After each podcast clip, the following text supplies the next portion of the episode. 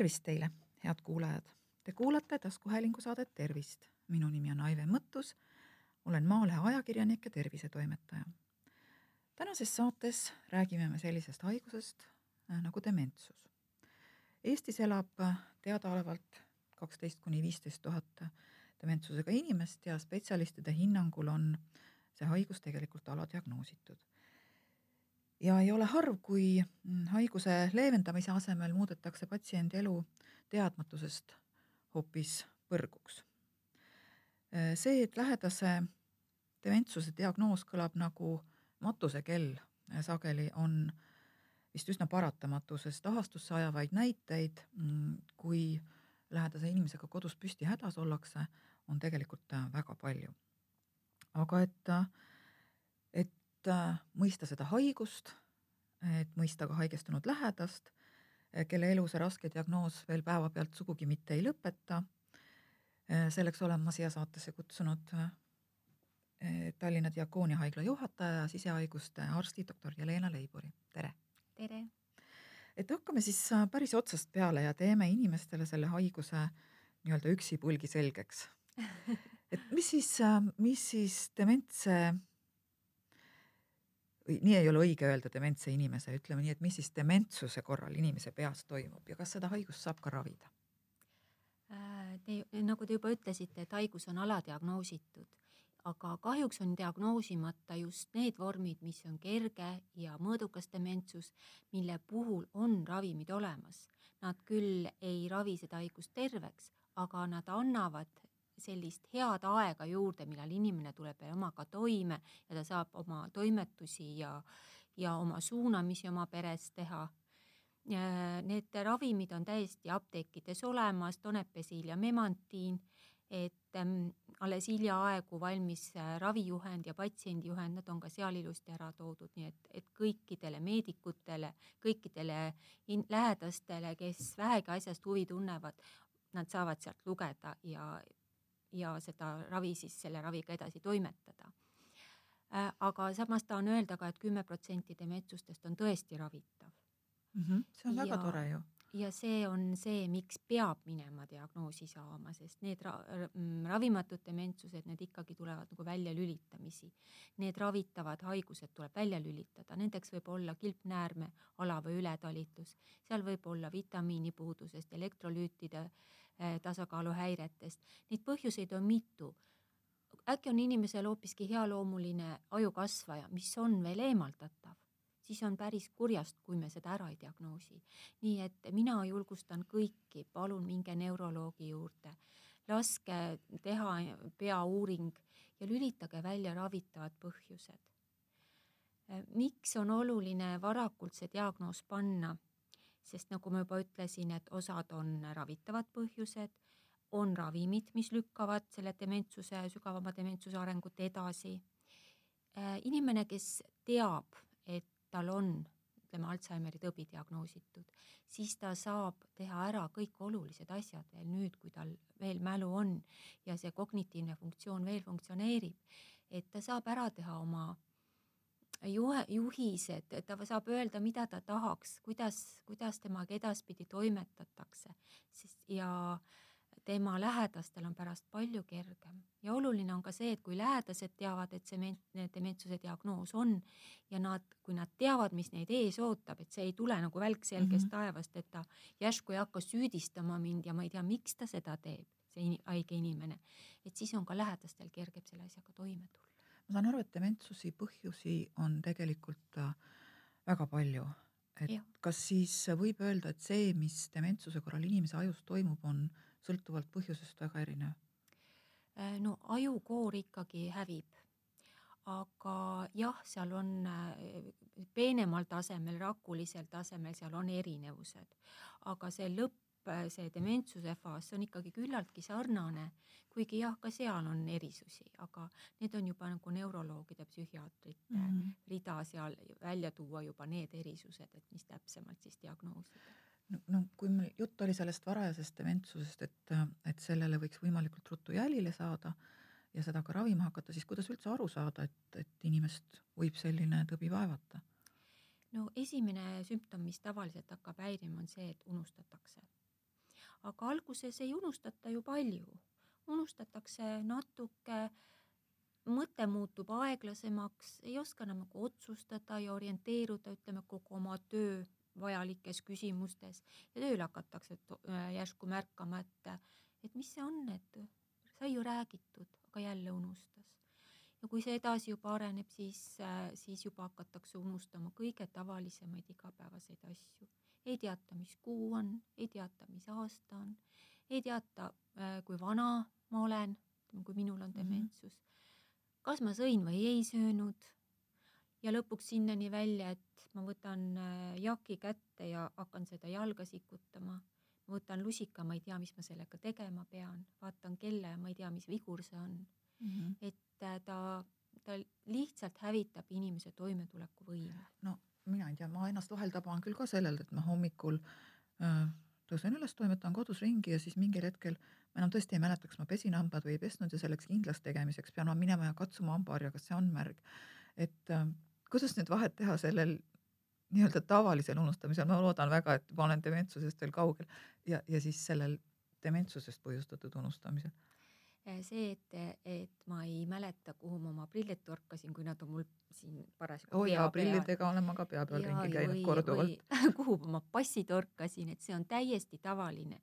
aga ma mõtlen rahulikult, ma otsin ja ma tulen sellega toime, et ma leian üles, ma ei hakka kedagi süüdistama, et ahaa, kui on ära kadunud, järelikult keegi on süüdi ja ütleme, selline tavaline igapäevane unustamine, see on pigem meie elu, kiire elutempo unustamine, et natukene kolm nädalat puhkust ja selline dementsus kaob iseenesest ära. et äh, aga äh, kui on ikkagi haigus tabanud, ega dementsust ei saagi omaette haiguseks nimetada, ta on sündroom, mis tuleneb paljudest haigusest nagu Alžeimer mm, -hmm. nagu Parkinson, nagu Huntingtoni tõbi kas insuldijärgselt võib ka olla? jaa, see on trauma. vaskulaarne dementsus, traumajärgselt võib tulla alkoholismiga võib tekkida dementsus, et seal on palju põhjuseid.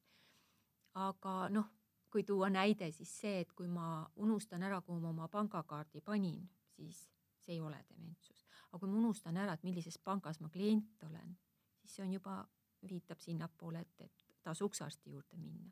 kui ma sõidan autoga parklasse ei mäleta, kuhu auto parkisin, igapäevane asi, ma usun igal teisel. parklad on suured, lähed, tuled välja automaatselt sisse aga kui ma tulen sealt välja ja ma üldse ei mäletagi, et ma autoga tulin ja lähen bussi peale, see on natuke tõsisem juba.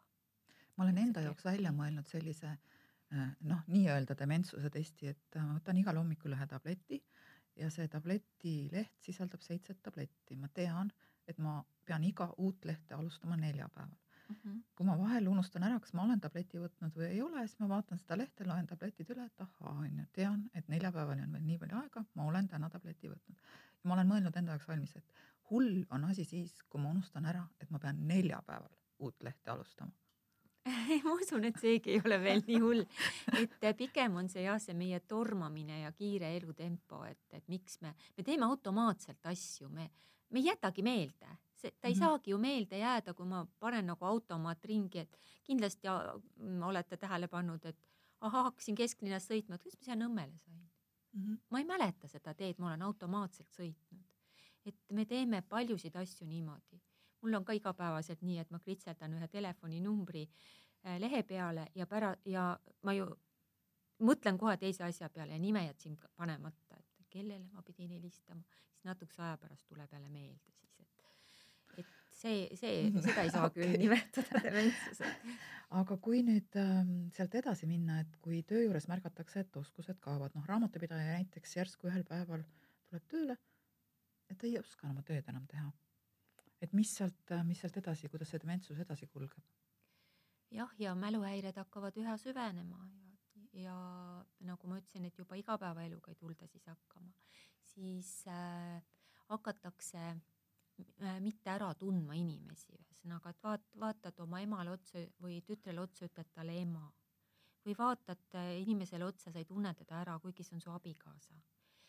Et tekib selline moment, kus ei tunta enam ära inimesi, ei saada aru, mis ajas ma parasjagu olen.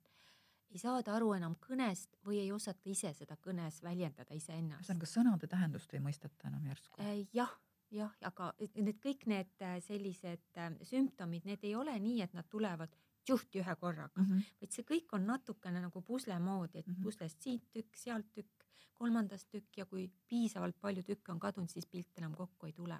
nii see mälu kaobki, kuigi kaob kõigepealt lähimälu ja ikka kaugemale ja kaugemale, siis ka mitte ära lõigatuna, vaid ikka niimoodi tükati.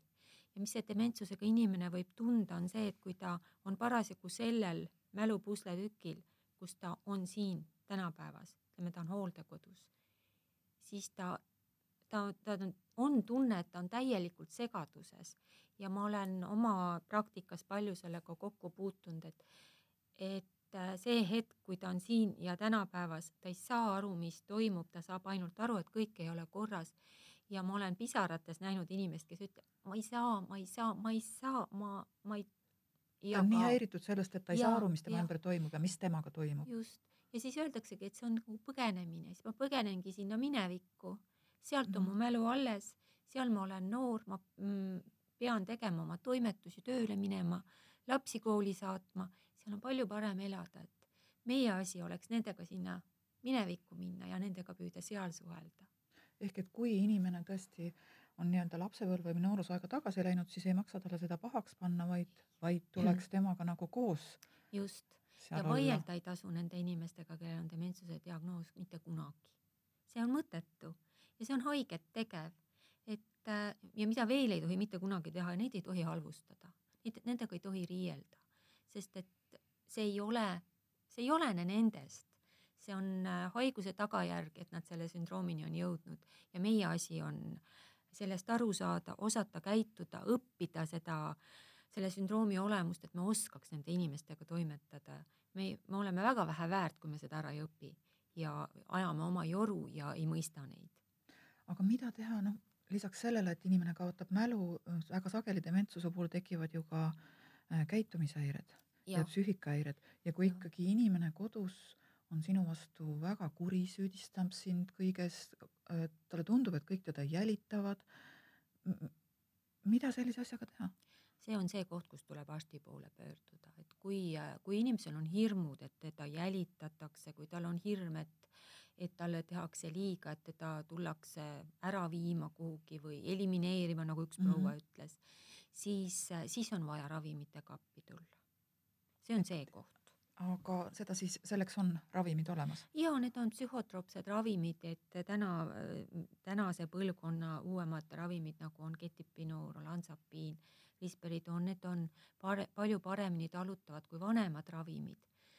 et tuleb lihtsalt leida inimesele õige ravim, aga seda ei tohi peale unustada. et kui Mida ta on rahunenud, kui tal on need hirmud ära kadunud, siis tuleb hakata seda ravimit vähendama ja kui võimalik ka ära jätma, kuskil poole aasta pärast peaks olema siiski võimalik see ära jätta. minu praktika näitab, et ka tunduvalt varem. Et kui ta on ikkagi rahulik ja tal ei ole enam neid hirme, ta on kuu aega juba seda raviskeemi saanud, siis tuleks see üle vaadata. aga ma olen aru saanud, et väga sageli, miks inimesed tegelikult äh, nii-öelda sellesse ravimite ja hoolekandeasutuste äh, ringi ja lõksu satuvad, ongi see, et need ravimid unustatakse neile nii-öelda äh, peale ja nad võtavad ja võtavad neid ja lõpuks on nad täiesti zombid valmis. hullem veel, kui sinna veel mõni lisatakse, siis vot siis tulevad küll zombid ja, ja praktika näitab, et tõesti tulevadki zombid ja kui jätad need ravimid ära, siis ärgatakse üles ma tean teie ühest varasemast intervjuust teiega, et teil oli üks väga hea näide ühe, ühe naisterahva kohta. tuletame selle meelde, et tal oli vist hästi palju ravimeid peal. ta tuli mm, -hmm. sattus teie juurde haiglasse ja, ja siis te hakkasite neid ravimeid ükshaaval ära võtma ja sealt alt koorus välja tore ja rõõmsameelne inimene. jah, see inimene elab praegu meie hooldekodus, et miks ma nii, nii kiiresti oskasin reageerida, kuna ta oli enne meil olnud õendusabis ja ma teadsin, et tal ei olnud ravimeid et ilmselt see keskkonnamuutus tal tekitas sellise rahutuse ja alati enne veel, kui ravimeid määrata, tuleb aru saada, et, et mis siis muutus, miks inimene järsku, miks tal käitumishäired tekkisid. see võib olla palavikust, ta ei võib-olla on haigeks jäänud mm -hmm., võib-olla on ta kukkunud ja tal on kusagilt valutab. veel lihtsaid näiteid mm,. näiteks kõht on kinni, ta kõht valutab. aga ta ei oska seda väljendada. just, et, et ho kodus hooldajate ja asutustes hooldajate õdede rida oleks neid jälgida aru saada, sest et ei aita sellisel juhul sugugi see äh, tablett, vaid aitab hoopis lahtistav tablett.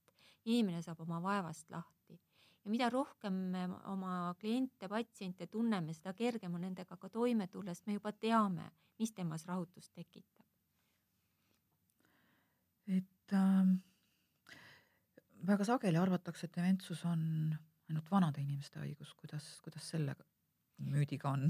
no õnneks on ta ikka enamasti jah, vanemate inimeste haigus, on ka noori, aga see ei ole siiski sage, et üle üheksakümne viie aastastel öeldakse, et on viiskümmend protsenti juba dementsust. ja mida nooremapoolne, seda vähem, et on jah olnud ka minu praktikas ja kindlasti on neid palju rohkem, sest mina ei ole nendega kokku puutunud, nende varajaste diagnoositud dementsustega ja, ja ka neid ähm, mõõdukaid satub ju meil ikka vähem. et meil on, meie majja satuvad põhiliselt sügava dementsusega inimesed ja neil on, tavaliselt on neil mingi probleem juures, et see kas siis käitumishäired või psüühikahäired, et millega lihtsalt ei tulda kodus toime ja siis tuuakse meile ja, ja meie asi on siis ravimitega ja hiljem ilma ravimiteta püüda see asi saada kontrolli alla, soovitusi anda ja lähedasi aidata. kas Diakooni haigla, kui ma õigesti aru saan, on sisuliselt ainus koht Eestis, mis on nii-öelda spetsialiseerunud või kus on olemas kõige parem teadmine dementsuse ravist? Äh, ma usun, et, et teadmisi on kindlasti äh, neuroloogidel, psühhiaatritel, aga õendusabi tasemel ilmselt küll jah.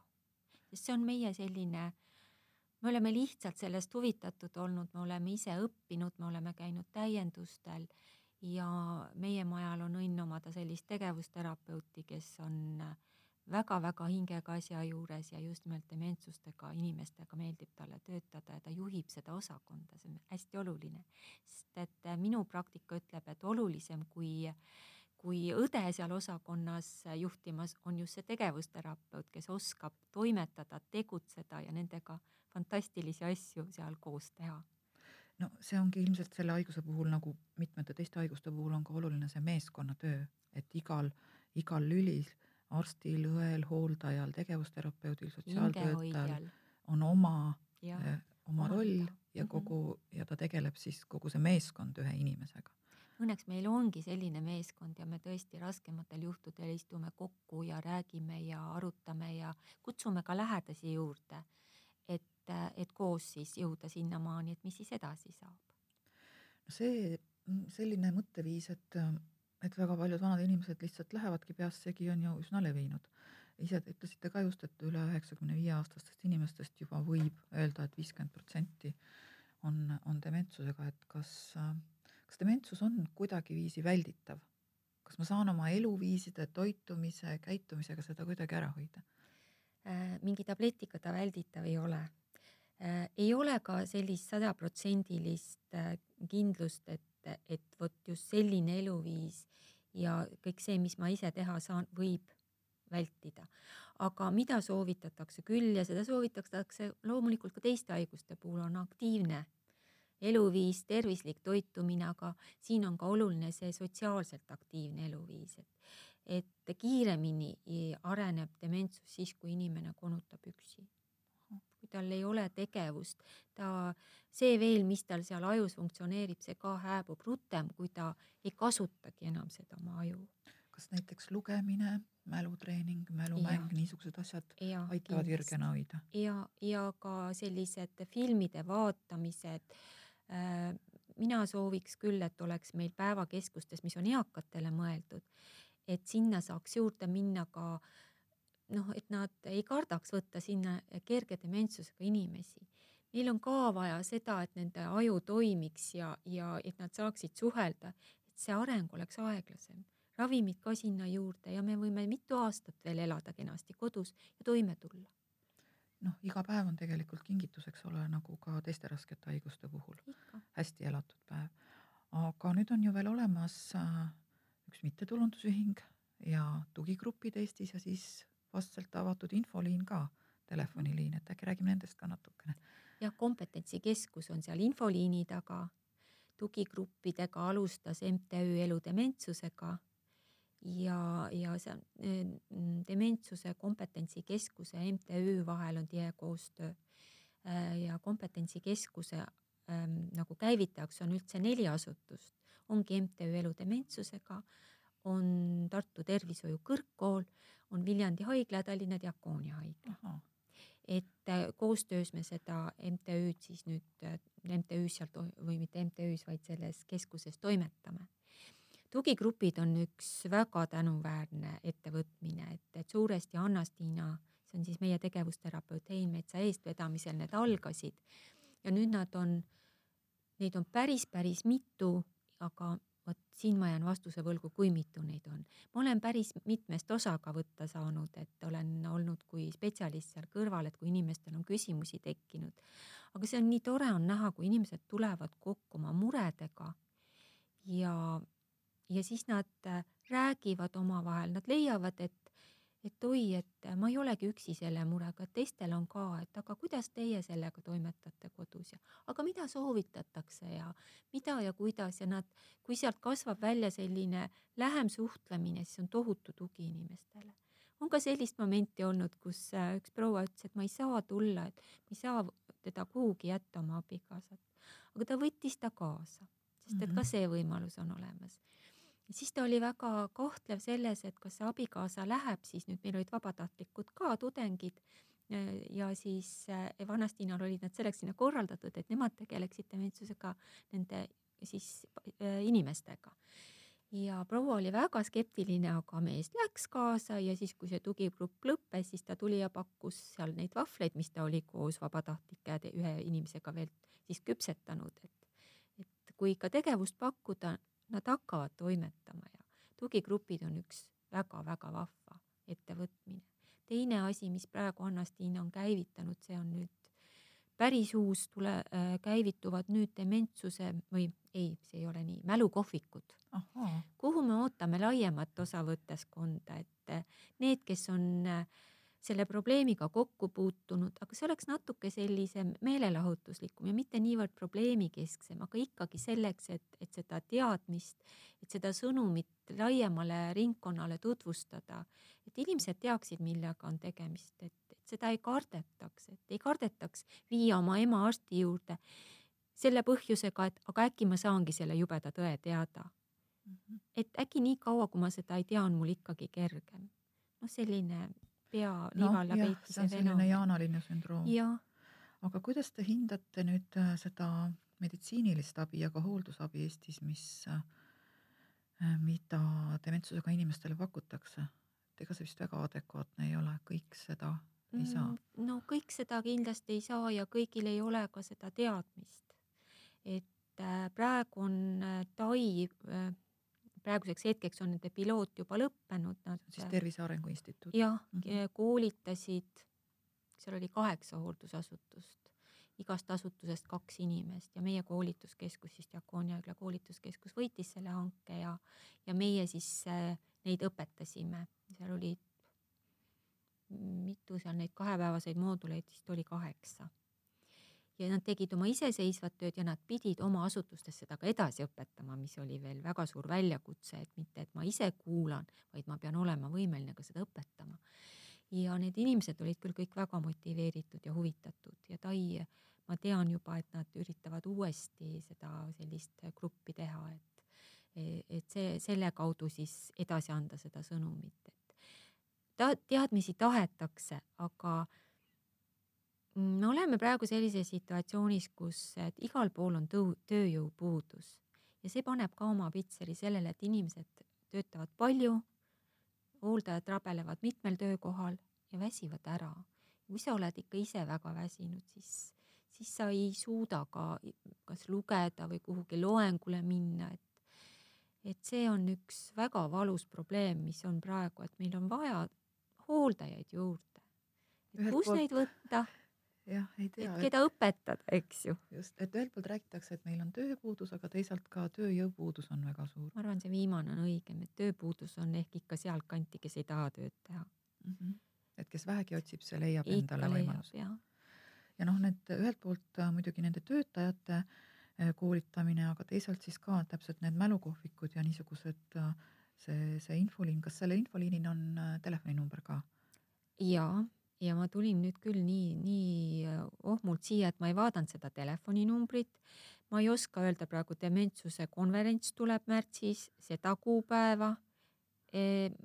täiesti. aga ütleme siis nii, et kui inimene otsib internetist elu dementsusega, kõik asjad on seal üleval ta selle Ja- sõnaga kõik üles. ja on seal äh, need äh, tugigrupid, kus toimivad, kus, kus nüüd kohe-kohe avanevad, on seal see konverents, on äh, dementsuse kompetentsikeskuse kohta kogu info, on nende mälukohvikute kohta, et palun vaadake seda kodulehekülge, ma väga vabandan, et ma, ma oleks pidanud need üles kirjutama. ei ole midagi, inimesed on täiesti suutelised äh, arvutist asju otsima väga kenasti, ma arvan, et nad leiavad üles. toksite otsingusse elu dementsusega ja, ja kogu teenuste pakett avaneb teie ja, ees. ja seal on väga palju kasulikku infot. Et ähm, mida me siis tänasest saatest kokku võime võtta, võime võtta selle, et äh, esiteks dementsuse varajasi sümptome, kui märkate, siis, siis pöörduge arsti siis poole. pöörduge arsti poole, isegi kui inimene saab mõnikord aru ise, et tal aeg-ajalt nagu liiga tihti asjad ununevad, kas ta võiks Mhm. seda oma lähedastele öelda? igal juhul võib ja igal juhul võib ka minna inimene, kes, kes on selle murega, et ta liiga palju unustab.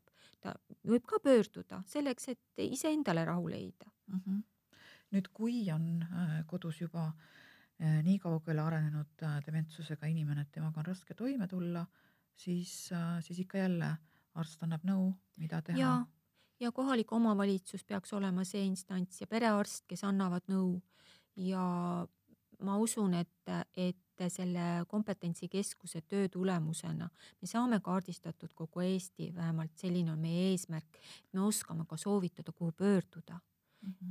Palju asju nad juba seal infotelefonil oskavad soovitada, aga see kogu aeg areneb, et, et meie teave ka.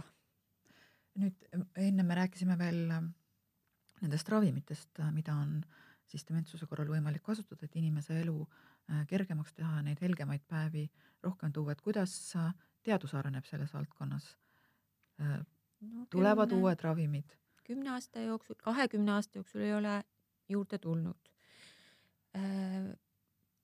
Üks neuroloog Tartust, Ülla Linnamäe, kes on minu jaoks väga-väga suur ja suurim spetsialist selle alal. temaga olime me koos selle ravijuhendi koostamisel ja tema kartis küll, et lähema kümne aasta jooksul ka midagi päris murrangulist ei tule. mm. -hmm. aga lootma peab, et no ikka, teadus uuringud ju aeg areneb ja uuringud ja- käivad ja ja kui ka viiekümne aasta pärast saab paremaks asi, siis ikka suur asi ja, suur asi. ja aga seniks siis tõesti jälgige oma lähedasi tähelepanelikult, kui äh, teile teeb muret äh, nende mälu või ka enda mälu, siis tasub ikka. ühe asja veel ja, lisada? ja palun. et selle, et, et äh, ärme unustame ära, et dementsuse sündroomi taga on inimene, ikka see üks kindel unikaalne inimene, et äh, me peame tegelema selle inimesega, mitte selle sündroomiga. et äh, kõikidele, kes töötavad dementsusega inimestega, et vaadake sündroomi taha. Teie ees on inimene, kes on ikka veel seesama inimene, kes on osa, osa iseendast kaotanud, aga ta on ikka seesama inimene, kes väärib austust ja austusega suhtlemist. suurepärane, doktor Leibur, ma tänan, et te tulite saatesse ja see on, see on tõesti väga hea sõnum tänasest saatest. Head kuulajad, te kuulasite taskuhäälingu saadet Tervist. saate leiate Delfi podcastide pesast tasku, nutirakenduste Spotify, Apple Podcasts, SoundCloud ja teised. hakake jälgijaks ja kuulake just teile sobival ajal. ettepanekuid teemade kohta, mida saates käsitleda, ootan teilt e-posti aadressil tervist.maaleht.ee. minu nimi on Aive Mõttus, olen Maalehe ajakirjanik ja tervisetoimetaja. tänases saates rääkisime me dementsusest ja saates oli külas doktor Jelena Leibur. tervist teile! aitäh!